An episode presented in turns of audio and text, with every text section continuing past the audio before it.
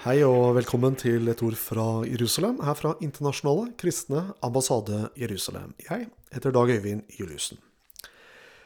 Vi er midt inne i en epoke med mange gode nyheter både om og fra Israel. Ikke minst så tenker vi her på fredsavtalene som har blitt opprettet med De forente arabiske emirater og Bahrain. Og mye mulig så er det flere land på gang. Men det er ikke bare det som skjer som er positivt. I begynnelsen av september så kunne ikai.no annonsere at Malawi vil nå kanskje bli det første afrikanske landet med egen ambassade i Jerusalem. Så langt så er det bare USA og Guatemala som har ambassade i Jerusalem, mens resten av de 87 andre ambassadene ligger i Tel Aviv-området, altså ambassadene i Israel. Og i tillegg så har også Serbia og Kosovo uttalt at de vil opprette ambassader i Israels hovedstad. Landet Malawi er en nasjon som har hatt et godt forhold til Israel siden 1964. Men ingen av landene har åpnet en ambassade på det andre lands territorium. Landets president er en evangelisk kristen. Han har doktorgrad i kristen teologi og har tidligere arbeidet som pastor. Nylig offentliggjorde Malawis president, Lazarus Shakvera, en rekke reformer. De ville omfatte oppgradering av landets utenriksdepartement, og et, at nettverk av ambassader over hele verden ville utvikles. Reformene ville også omfatte en gjennomgang av vår diplomatiske tilstedeværelse, inkludert vår beslutning om å ha nye diplomatiske oppdrag i Lagos, Nigeria og Jerusalem i Israel. Og det var presidenten som uttalte dette. Malawi vil i så fall bli det første afrikanske landet som oppretter ambassade i Jerusalem. Tidligere i år uttalte Ugandas statsminister seg positivt til å åpne ambassade i Jerusalem, men der fra den kanten har vi ikke hørt mer foreløpig.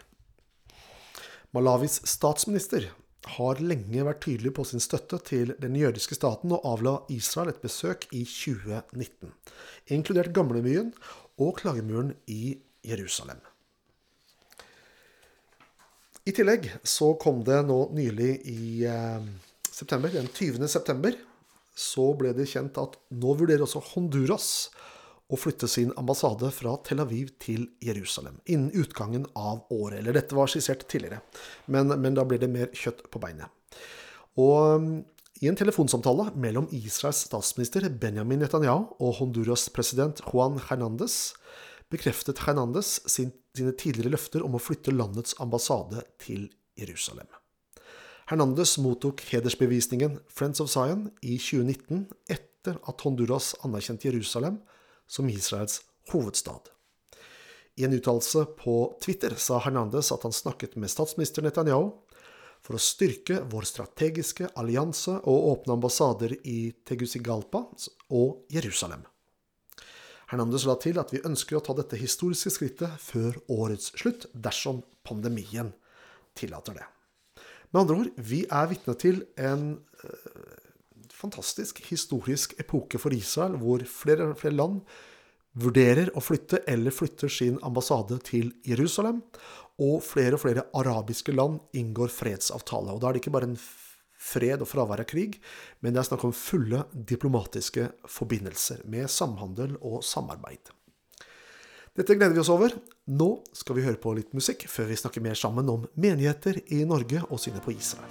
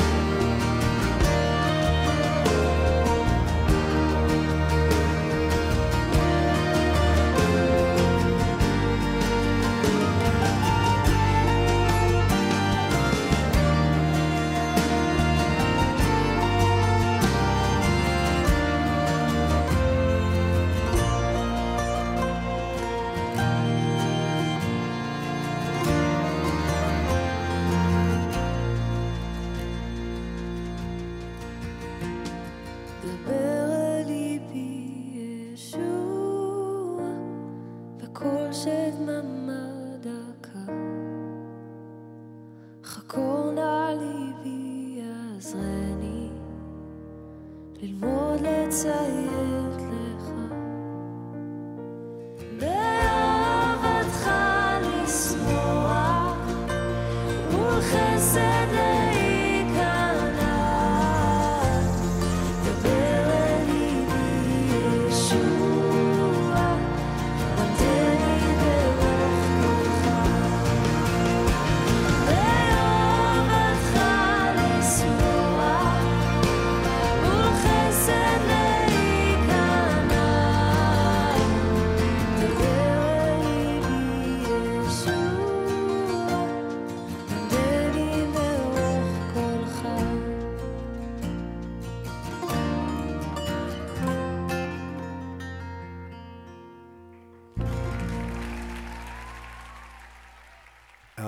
Var sangen Daber el Libi du hørte her, og det betyr Tal til mitt hjerte.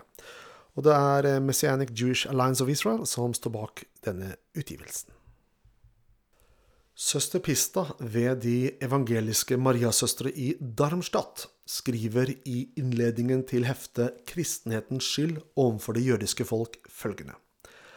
Når vi ser nærmere på grusomhetene som i Kristi navn er begått mot jøder i løpet av kirkens 2000-årige historie, kan vi vel vanskelig feire tusenårsskiftet uten først av et angerfullt hjerte å gi uttrykk for, den, for hvordan denne fortiden smerter oss.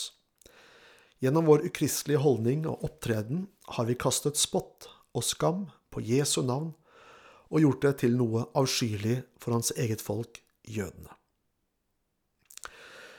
Alle kirkefedrene var preget av forakt og avvisning overfor jødene, og Nikea-møtet eh, institusjonaliserte kirkelig jødehat i år 325 etter Kristus. Dette kom til å prege eh, kirkehistorien opp til våre dager. Reformasjonen på 1500-tallet brakte dessverre ingen reformasjon i kirkens syn på jødene. Det er først i vår tid at vi er vitne til et paradigmeskifte på dette området. Selv om det fortsatt er ulike syn som preger forskjellige miljøer, finner man i dag kristne som anerkjenner at Guds pakt med det jødiske folk fortsatt står ved lag. Dette synet finner man utover i store deler av kristenheten, både globalt og her hjemme. Det kristne Israels engasjement i Norge er et sterk grasrotbevegelse som få andre land kan vise til. Dette engasjementet har pågått i årevis og består av kristne fra ulike kirkesamfunn og nettverk. Imidlertid finner vi et skille mellom dette engasjementet og det lokale menighetsliv, samt nasjonale kirkesamfunn. I mange av våre menigheter kan man besøke gudstjenesten året igjennom uten å høre et ord om Israel, verken i forkynnelsen eller i forbønn. Årsaken til dette kan være sammensatt.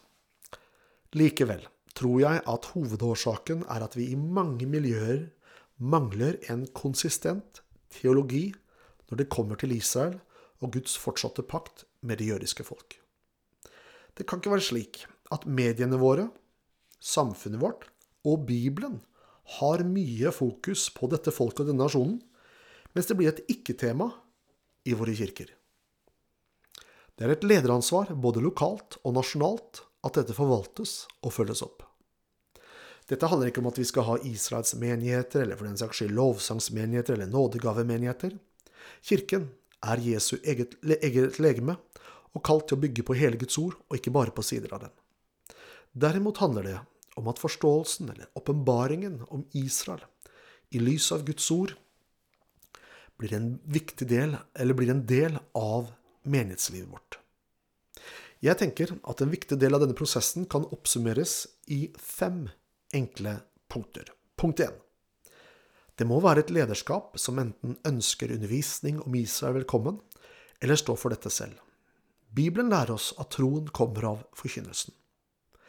Når dette ikke skjer, får vi en kirke som i stor grad kun er preget av andre røster, og ikke Bibelen. For varige resultater er det viktig at dette ikke gjøres ut ifra et press fra forsamlingens Israelsvenner, men ut fra et genuint ønske hos lederne. Undervisningen bør ikke bare kanaliseres til de som møter opp på et eget møte torsdag kveld, men det må inn en bevissthet som når barna, ungdommene og hele menigheten. Punkt 2. Utover forkynnelsen er det naturlig at Israel og jødenes ve og vel blir en del av menighetens bønneliv. Bibelen lærer oss at vi skal be for alle mennesker. Det skal vi selvsagt fortsette med. Imidlertid bør vi erkjenne at dette folket står i en særskilt rolle i Guds store frelsesplan som innebærer omkostninger ingen annen folkegruppe har opplevd. Punkt 3. I Romerbrevet kapittel 15 og vers 27 samler Paulus inn en gave til de hellige i Jerusalem. Her henviser han til givergleden fra de troende i Makedonia og Akaya. Tidligere i dette brevet har Paulus nøye undervist om jødenes rolle i frelsesplanen. Han skriver ofte om jøder og hedninger, og i kapitlene 9, 10 og 11 legger han ut budskapet. I kapittel 11 forklarer han og gjentar fem ganger at jødene forkastet Jesus for at verden skulle få frelse. Han forklarer hva Jesus sier, frelsen kommer fra jødene. Legg merke til at Jesus ikke sier jøden, men jødene. Ut ifra denne virkeligheten slår Paulus følgende fast. De står også i gjeld til dem, altså hedningene står i gjeld til jødene. For dersom hedningefolkene har fått del i jødenes åndelige goder, da er det også hedningenes plikt å tjene jødene med de materielle goder.